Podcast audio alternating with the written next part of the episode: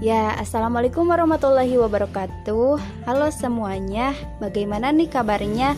Semoga kita selalu dalam keadaan baik-baik saja ya Nah, kembali lagi nih dengan saya Lina Karlina di podcast edukasi Nah, untuk podcast kali ini merupakan podcast yang kedua saya di mana podcast yang pertama itu kemarin saya sudah membahas mengenai sampah ya. Nah, yang sekarang juga masih sama halnya eh, podcast yang pertama yaitu mengenai isu lingkungan, mengenai sampah. Nah, tapi bedanya untuk podcast kali ini saya tidak sendirian. Saya ditemani oleh salah satu anak sekolah dasar. Nah, boleh perkenalan dulu dengan nama namanya siapa?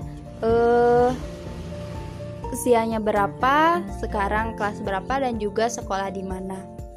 Nama saya Julfa Ajani Muslim, umur saya 12 tahun, kelas 5, sekolah dasar Sukamulya. Oke, hai Julfa. Nah, oke kita langsung mulai saja ya kepada uh, podcast kita kali ini. Nah, sebelumnya nih mau tanya dulu menurut Julfa sampah itu apa sih?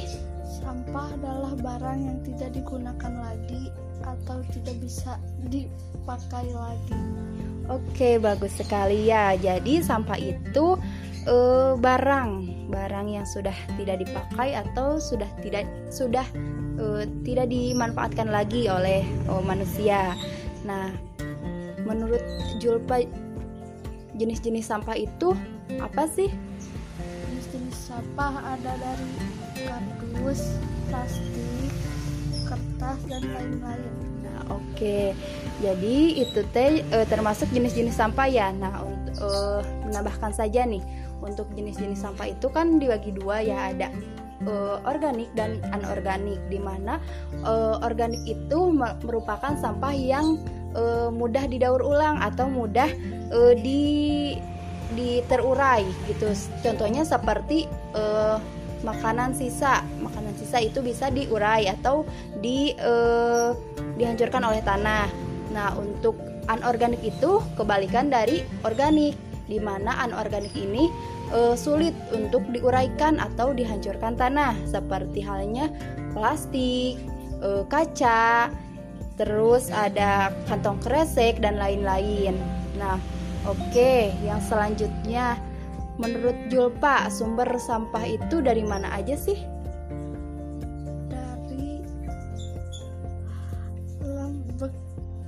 Dari sisa-sisa makanan, barang bekas dan lain-lain. Oke, jadi sumber-sumber sampah itu tadi ya udah dijawab uh, juga oleh Julpa seperti uh, bekas makanan, benar ya. Jadi Eh, sumber-sumber uh, makanan eh sumber-sumber sampah itu bisa bisa dari bekas makanan atau juga bisa dari pasar misalnya teh kan suka ada nih uh, penjual sayur dan buah-buahan. Nah, itu sayur dan buah-buahan yang sudah tidak terpakai itu bisa menjadi sampah. Nah, oke. Okay. Terus tadi sebelum podcast nih kan Kakak udah uh, udah udah memberikan satu video animasi ya. Nah, menurut Julpa, video animasi tadi itu menceritakan tentang apa sih?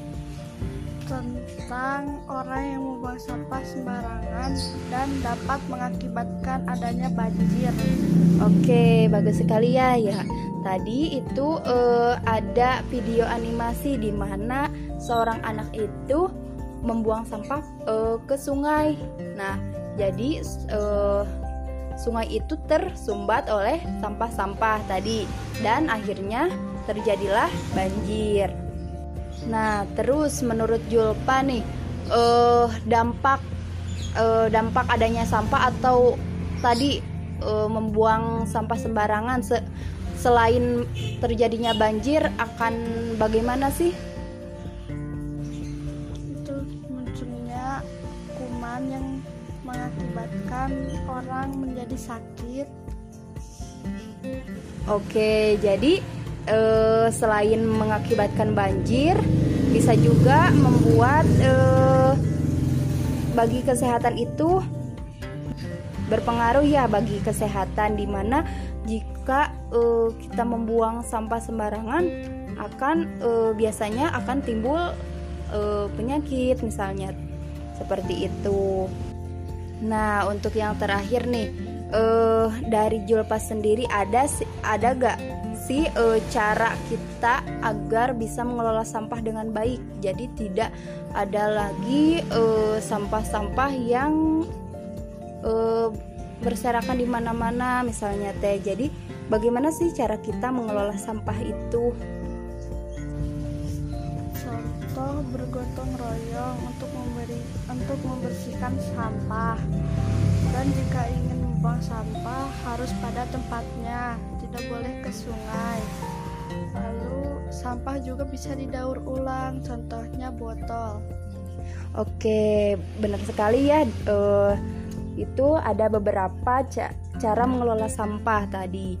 Nah, oke tadi tadi itu ada e, cara mengelola sampah bisa dengan cara gotong royong membersihkan sampah agar e, tidak terjadi e, sampah yang berserakan di lingkungan masyarakat. Nah, selain itu tadi juga sudah dijelaskan e, sama Jolpa bahwa sampah bisa didaur ulang ya. Nah, contohnya tadi seperti botol. Nah, botol itu e, misalnya kita dija kita jadikan sebagai wadah pensil. Nah, itu teh bisa didaur ulang.